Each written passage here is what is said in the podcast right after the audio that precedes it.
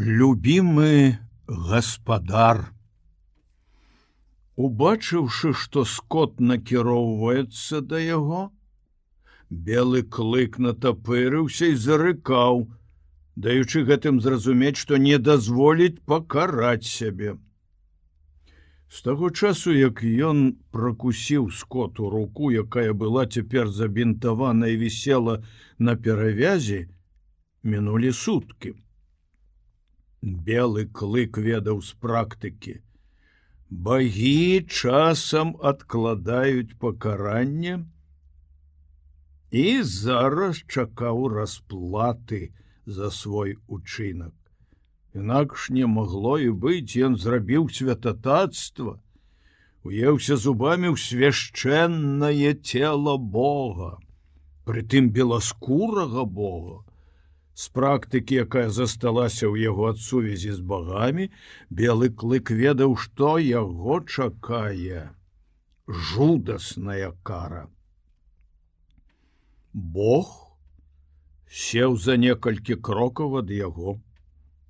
У гэтым яшчэ не было ніякай небяспекі.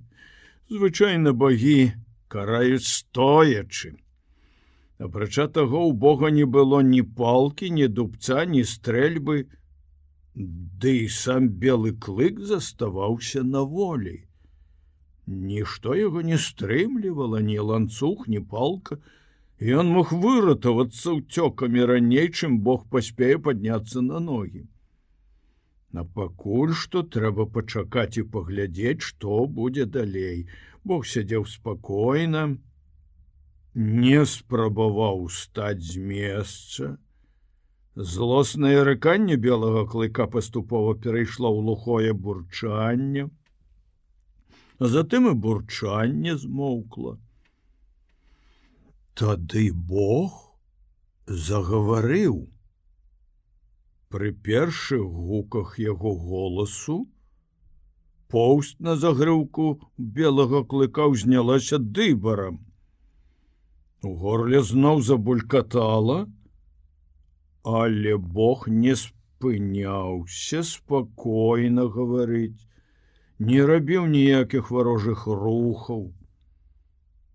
Некаторы час белы клык рыкаў ва ўнісон з яго голасам і паміж словамі і рыкам наладзіўся рытм. Але гутарка чалавека лілася бесперапынна, Ён гаварыў так, як яшчэ ніхто ніколі не гаварыў з белым клыком.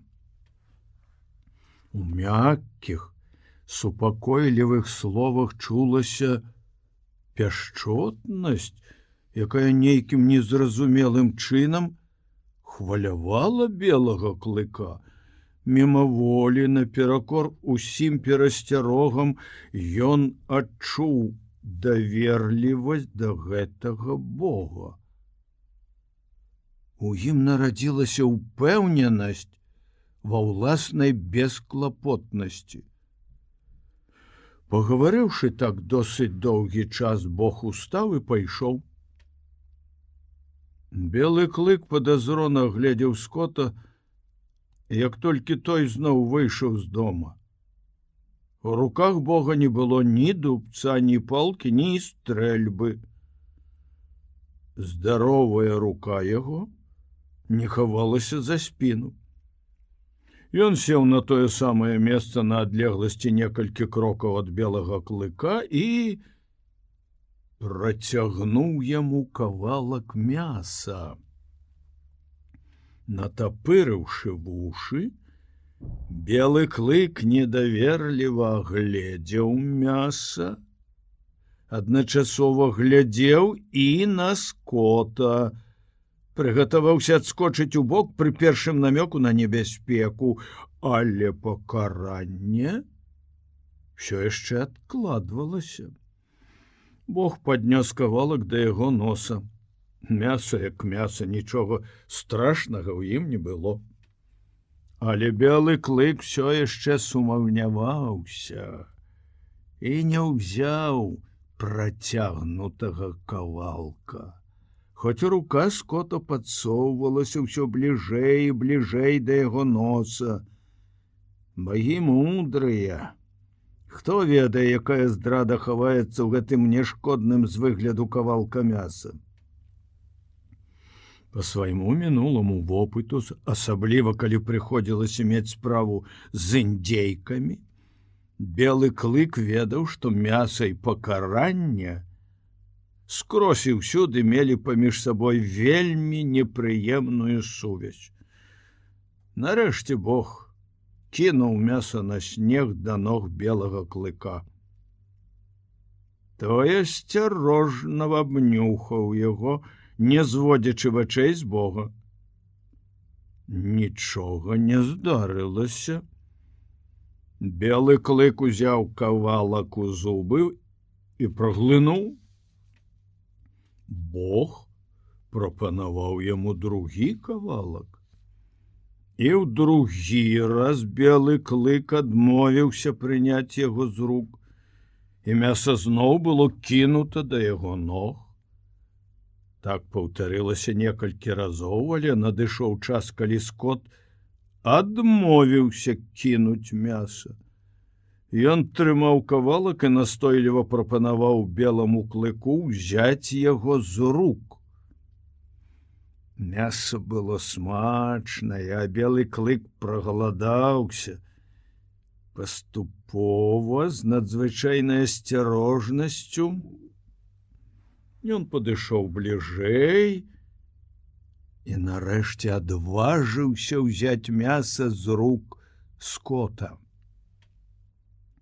Белы клык, не зводзячы вачэй з Бога, выцягнуў шыю, ціснуў вушы, поўсцю яго на загрыўку знялася дыбарам, глухое бурчанне булькатала ў яго ў горле, нібы засцерагаючы чалавека, што жарты зараз недарэчы, белы клык з'еў кавалак і нічога з ім не здарылася.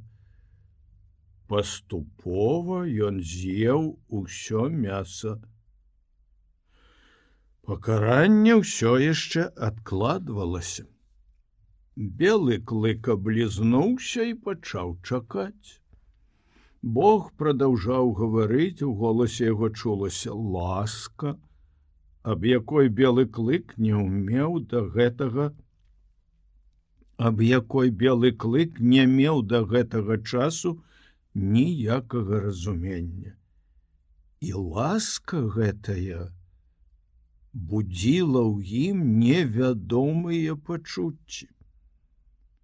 Ён адчуў дзіўны спакой нібы задавальнялася нейкая яго патрэбнасць запаўнялася нейкая пустата ў яго істоце.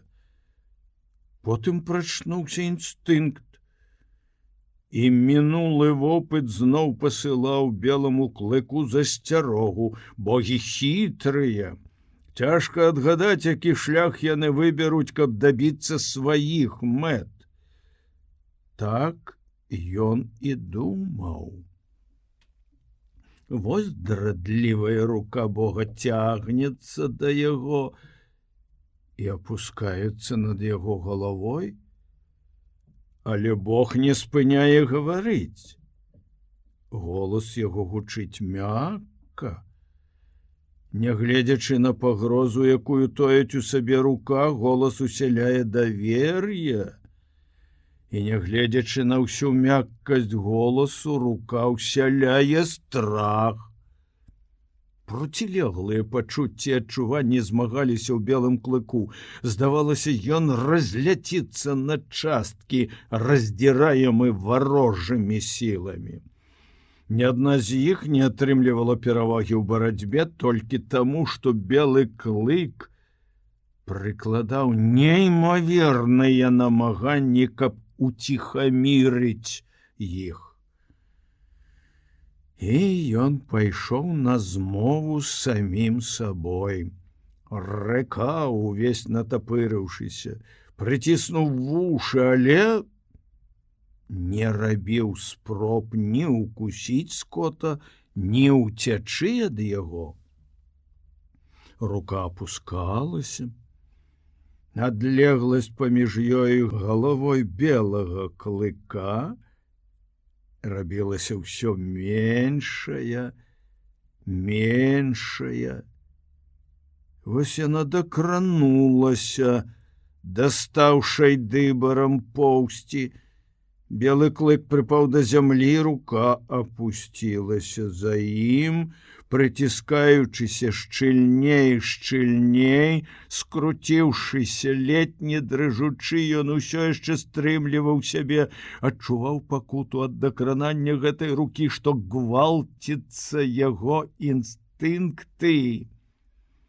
Белы клык не мог забыць у адзін дзень все тое злоснае, што прынеслі яму чалавечыя руки, але такая была воля Бога. І ён рабіў усё мажлівае, каб прымусіць сябе падпарадкавацца ёй. Рука ўзнялася, зноў опусцілася, лашчыла і гладзіла яго.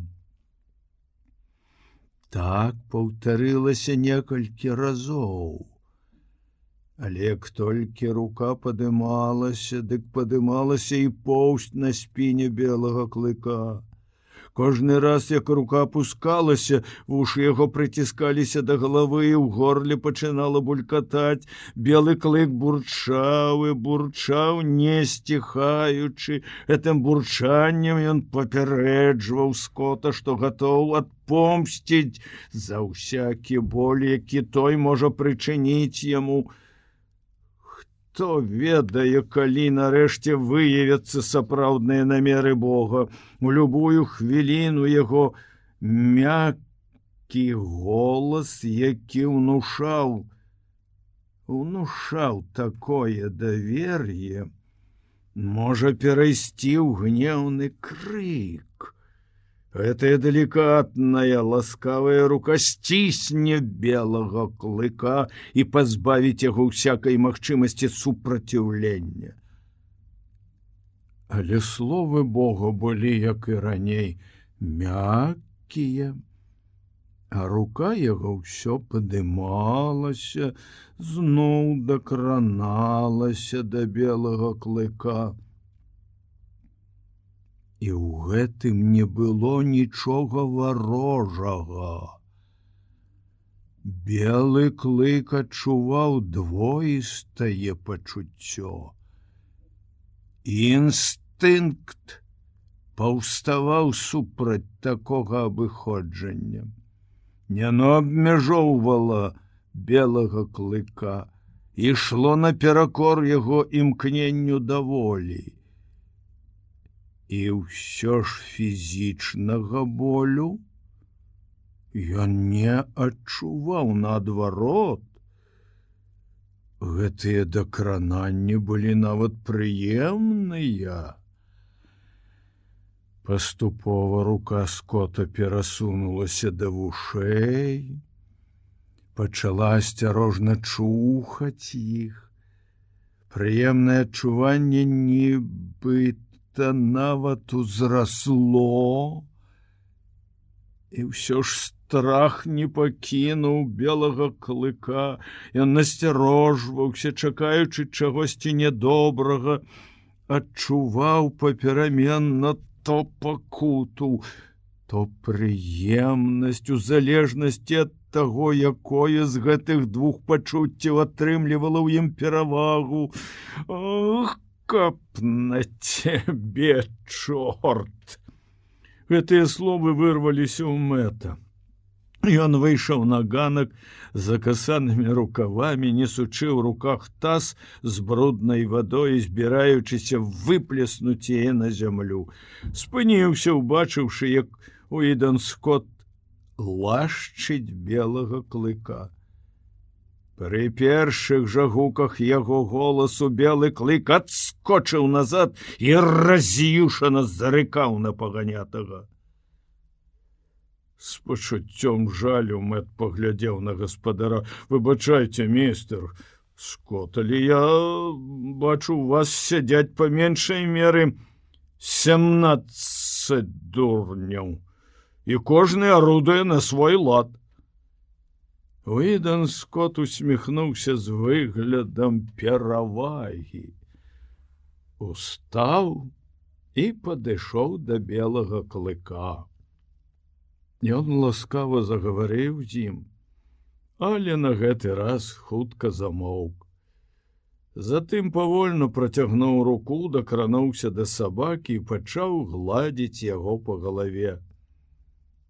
Белы клык цярпліва зносіў да кранання, утаропіўшы вочы не на таго, хто лашчыў яго, а на мэта, які стаяў у дзвярах дому.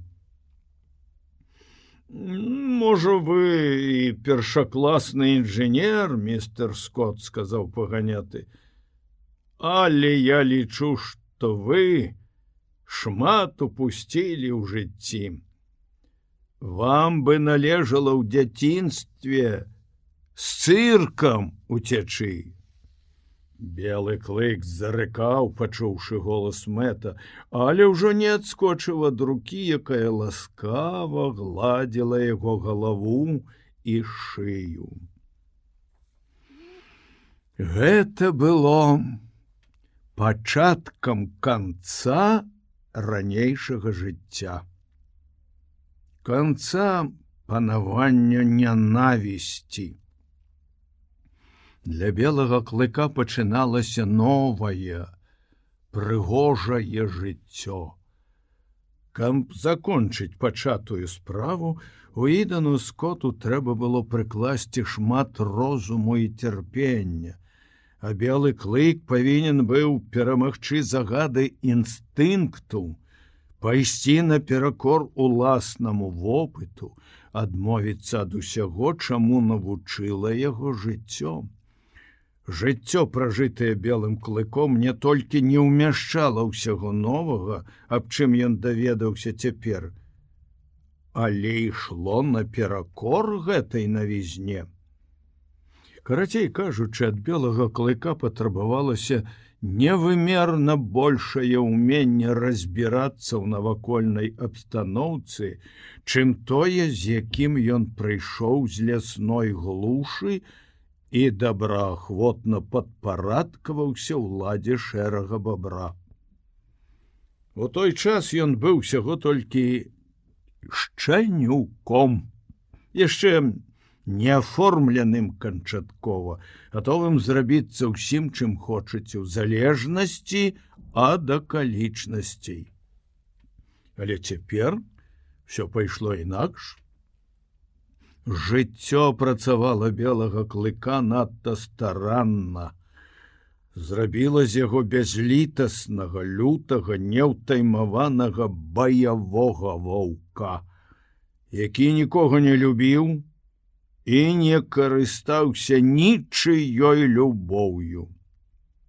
Перарадзіцца, азначала адкінуць усё да чаго белы клык паспеў прызвычаіцца менавіта гэта патрабавалася ад яго цяпер калі маладосць была ў мінулым калі гібкасць была страчана а мяккая тканіна яго істоты набыла нязломную цвёрдасць дух зрабіўся непадатлівым як жалеза інст інстынк выпрацаваў асцярожнасць.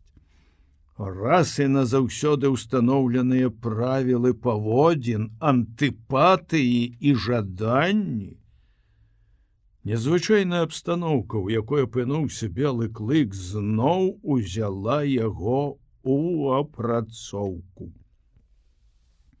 Яна змякчала ў ім разлютаванасць, ляпіла з яго новую больш прыгожую форму. Па сутнасці кажучы, ўсё залежала ад уідана скотта. Ён дабраўся да самых глыбінь натуры белага клыка і ласкай выклікаў да жыцця ўсе тыя пачуцці, якія драмалі, і ўжо напалову заглухлі ў ім. Так белы клык даведаўся, што такое любоў. Яна саступіла месца прыхільнасці, самому цёпламу пачуццю даступнаму белому клыку ў зносінах з багамі. А любоў не можа прыйсці ў адзін дзень. Узнікшы з прыхільнасці, яна развівалася вельмі павольна. Белому клыку падабаўся яго нанова здабыты Бог.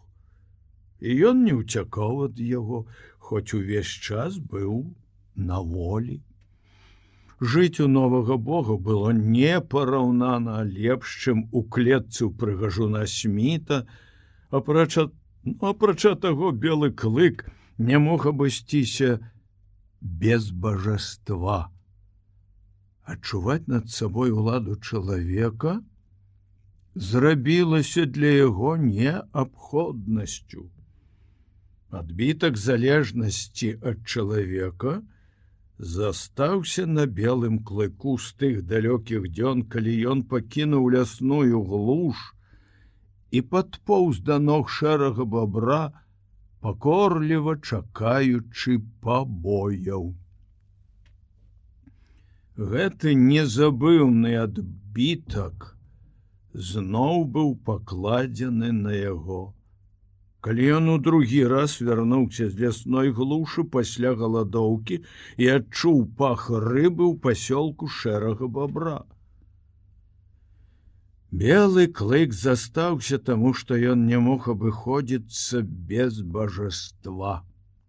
А Уідан Скот быў лепшы, за прыгажуна сміта у знак адданасці ён узяў на сябе абавязательства пільнаваць добро гаспадара Ён блукаў вакол дома калі астатнія сабакі ўжо спалі і першаму ж спозненаму госцю скота прыйшлося адбівацца ад яго палкай да таго часу пакуль яго не выратаваў сам гаспадар Белы клык неўзабаве навучыўся адрозніваць злодзеяў ад сумленных людзей, зразумеў, як многа значыць хада і паводзіны.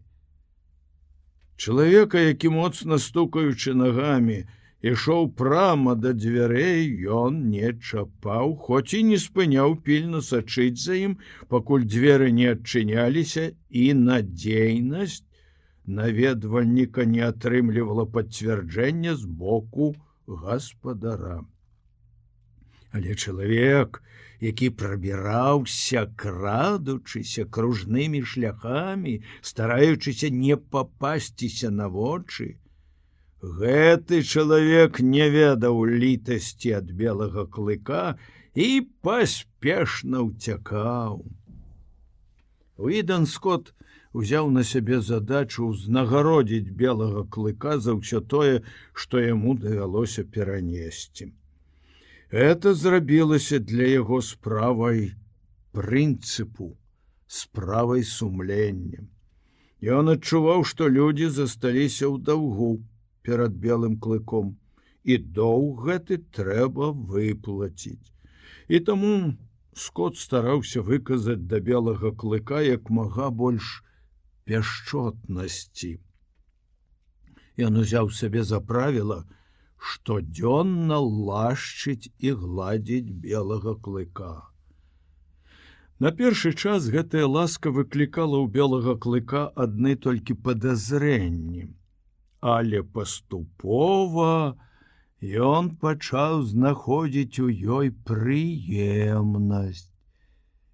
І ўсё ж ад адной сваёй прывычкі белы клык ніяк не мог адвыкнуць. Як толькі рука чалавека дакраналася да яго, ён пачынаў бурчаць і не сціхаў да таго часу, пакуль скот не пакідаў яго ў спакоі. Але ў гэтым бурчанні з'явіліся ўжо новыя ноткі сторонние не пачуў бы іх Для яго бурчання белага клыка заставалася па-ранейшаму сведчаннем першабытнай дзікасці, ад якой у чалавека кроў стыне ў жылах. За доўгія гады жыцця, пачынаючы з тых ранніх дзён у логаве, калі першыя прыступы лютасці авалодвалі ваўчанём. Горла белага клыка агрубела ад рыку, і ён ужо не мог выказаць інакш свае пачуцці. Тым не менш чулае вуха у ідана скота, адрознівала ў злосным бурчанні белага клыка новыя ноткі, якія толькі аднаму яму лечутна гаварылі пра тое, што сабака, адчувае прыемнасць. Час ішоў, і любоў, што ўзнікла з прыхільнасці, все мацнела і мацнела. Белы клык сам пачаў адчуваць гэта, хоць і несвядомлена любоў прынесла з сабой болі трывогу, якія сціхалі толькі ад дакранання рукі новага Бога. У гэтыя хвіліны любоў рабілася радасцю, неўтаймаванай радасцю, якая пранізвала ўсю істоту белага клыка. Але як толькі Бог адыходзіў, болі трывога варочаліся, белага клыка зноў ахоплівала адчуванне пустаты, якая прагна патрабавала запаўнення. Белы клык патроху знаходзіў самога сябе. Нягледзячы на сталыя гады на суровую лютасць формы, у якую ён быў вылеты прыродай, У характары яго ўзнікалі ўсё новыя і новыя рысы. У ім зараджаліся непрывычныя пачуцці і пабуджэнні. Белы клык трымаў сябе зусім інакш. Раней ён ненавідзеў нязручнасць і боль, і ўсяляк стараўся ўнікаць іх. Цяпер усё было інакш. Дзеля новага Бога белы клык часта цярпеў нязручнасць і боль. Так, напрыклад, раніцай, замест таго, каб блукаць у пошуках ежы або ляжаць дзе-небудзь у зацішным кутку, ён праводзіў цэлыя гадзіны ляганка, чакаючы з'яўлення скота. Уначы, калі той вяртаўся дамоў, белы клык пакідаў цёплую нару, выкапаную ў гурбе дзеля таго, каб адчуць прыязнае дакрананне пальцаў Бога, пачуць ад яго прыветныя словы. Ён забываў пра яду, нават пра яду. Толькі пабыць каля Бога, атрымаць ад яго ласку або накіравацца разам з ім у горад. Але белы клык не ўмеў выкаць выказваць сваіх пачуццяў. Ён быў ужо не малады і надта суровы для гэтага. Пастаяннае адзіноцтва выпрацавала ў ім вялікую ўраўнаважанасць характару. Яго панурая стрыманасць і замкнёнасць з'явіліся вынікам доўгага вопыту. Ён ніколі не брахаў за ўсё сваё жыццё, і ўжо не мог навучыцца вітаць свайго бога брэхам. Ён ніколі не лез яму на вочы, не мітусіўся і не скакаў, каб даказаць сваю любоў, ніколі не кідаўся насустрач, а чакаў у баку, але чакаў заўсёды. Любоў яго межавалася з нямым маўклівым, абажаннем. Толькі ўважлівы позірк яго вачэй, што сачылі за кожным рухам скота, выдаваў пачуццё белага клыка. Калі ж Бог глядзеў у яго бок і загаворваў з ім, Белы клык бянтэжыўся, не ведаючы, як выказаць любоў, што ахоплівала ўсю яго істоту. Белы клык пачынаў прыстасоўвацца да новага жыцця. І он зразумеў, што сабак гаспадара чапаць нельга, але яго ўладны характар заяўляў аб сабе, і сабакам давялося пераканацца на справе ў перавазе белага клыка. Прызнаўшы яго ўладу над сабой, сабакі ўжо не прыносілі яму клопатаў. Варта было белому клыку з'явіцца сярод зграі, як яны ўступалі яму дарогу і пакараліся яго волі. Ён прывык і да мэта, як да ўласнасці гаспадара. Уідан скот вельмі рэдка карміў белага клыка. Гэты абавязак ускладаўся на мэта. Але белы клык разумеў, што ежа, якую ён есть, належыць гаспадару, які даручыў мэту карміць яго. Той жа самы мэт паспрабаваў неяк запрэгчы яго ў сані разам з іншымі сабакамі. Але гэтая спроба пацярпела няўдачу. І белы клык здагадаўся, у чым справа, толькі тады, калі Уідан Скот надзеў на яго вупраж і сам павёў сані. Белы клык зразумеў: Гаспадар хоча, каб мэт кіраваў ім таксама, як і іншымі сабакамі. У кландайскіх саней в адрозненне ад тых, на якіх ездзіць на Макензі, ёсць палазы. Спосаб запрэшкі тут таксама зусім іншы. Сабакі бягуць гуськом у падвойных пастронках, а не разыходзяцца веерам. І тут на кландайку важак сапраўды з'яўляецца важаком. На першае месца выбіраюць самага кемлівага і самага дужага сабаку, якога баіцца і слухаецца ўся запрэшка. Як і належала чакаць, белы клык неўзабаве дабіўся гэтага месца. Пасля многіх клопатаў мэт зразумеў, што на меншае той не згодзіцца. Белы клык сам, выбраў гэтае месца і мэт не саромячыся ў выразах пацвердзіў правільнасць яго выбару пасля першай жа спробы бегаючы цэлы дзень у запрэшцы белы клык не забываў пра тое што ўначы трэба пільнаваць гаспадарскае добро такім чынам ён верай і праўдай служыў скоту у якога ва ўсёй запрэшцы не было больш каштоўнага сабакі, чым белы клык.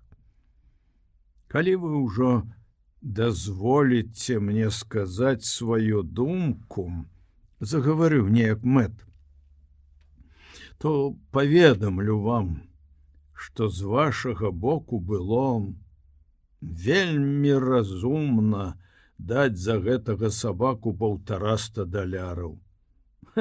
Спрытна вы абдурылі прыгожа прыгажуна сміта. Ужо не кажучы пра тое, што і па фізіяноміі яму заехалі. Шэрыя вочы ў ідана зноў запалалі гневам, і ён сярдзіта прамармытаў быдла. Позняй вясной белага клыка нападкала вялікае гора. Раптам, без усякага папярэджання, гаспадар знік. Уласна кажучы, папярэджанне было, але белы клык не меў вопыту ў такіх справах і не ведаў, чаго трэба чакаць ад чалавека, які пакуе свае чамаданы. Пазней ён успомніў, што пакаванне рэчаў было напярэдадні ад'езду гаспадара, але тады ў яго не з'явілася ніякага падазрення. Увечары ён, як і заўсёды чакаў яго прыходу. У поўначу зняўся ветер, і белы клык схаваўся ад холаду за домам. Там ён ляжаў на палову дрэмлючы на палову пільнуючы і прыслухоўваючыся чулым вухам, каб злавіць першыя гукі знаёмых крокаў. Але ў дзве гадзіны ночы непакой выгнаў белага клыка з-за дома. Ён скруціўся клубком на холодным ганку і пачаў чакаць далей. Гаспадар не прыходзіў, раніцай дзверы адчыніліся, і на ганак выйшаў мэт. Белы клык тужліва паглядзеў на яго. У белага клыка не было іншага спосабу, каб запытаць пра тое, што яму так хацелася ведаць.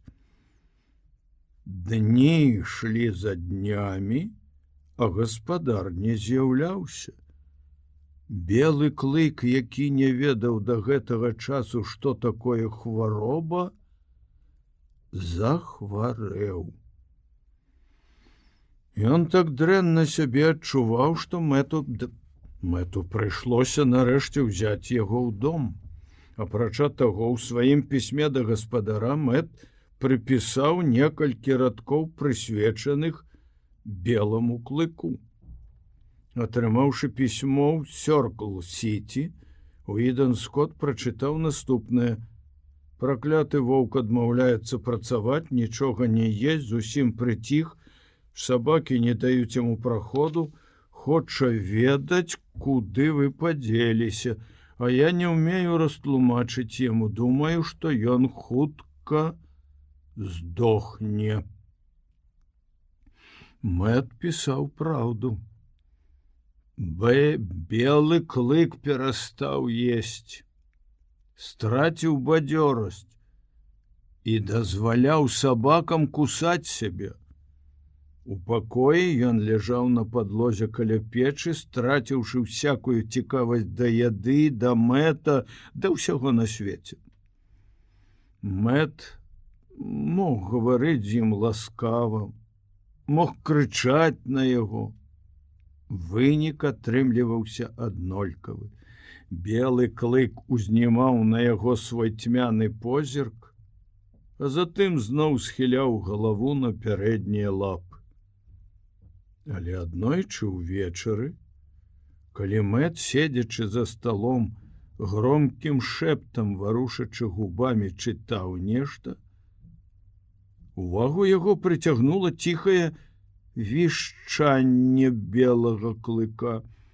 Сабака ўстаў з месца, натапырыў вушы, гледзячы на дзверы і ўважліва прыслухоўваўся.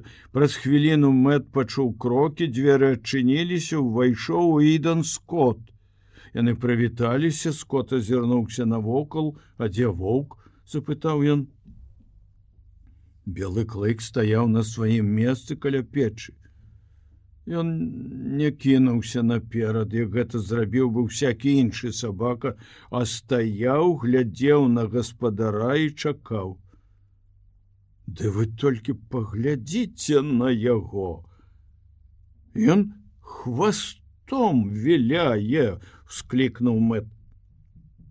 Угітан скот выйшаў на сярэдзіну пакоя, падзываючы белага клыка да сябе. Той не скочыў яму насустрач, але зараз жа падышоў. Рухі яго скоўвала сарамяжлівасць, але ў вачах з'явіўся незвычайны выраз. Глыбокае пачуццё любові засвяцілася ў іх. Ён ні разу на мяне так не глянуў, пакуль вас не было, сказаў мэт. Але Уідан скот не чуў. Прысеўшы на кукішкі перад белым клыком, ён лашчыў яго, пачэсваў яму за вушамі, гладзіў шыю і плечы, пяшчотна паляпваў пальцамі па спіне белы клык ціха бурчаў адказ і мяккія ноткі чуліся ў яго бурчанні ясней, чым раней. Але гэта было не ўсё. Радасць дапамагла знайсці выхад глыбокаму пачуццю, якое рвалася вонкі. Белы клык раптам выцягнуў шыю і сунуў галаву паміж рукой і бокам гаспадара. Схаваўшы яе так, што былі відаць толькі адны вушы, перастаў бурчаць і прыціскаўся да гаспадара все цясней і цясней. Мужчыны пераглянуліся. У скота блішчэлі вочы. Ах, чорт восьмі! здзівіўся мэт.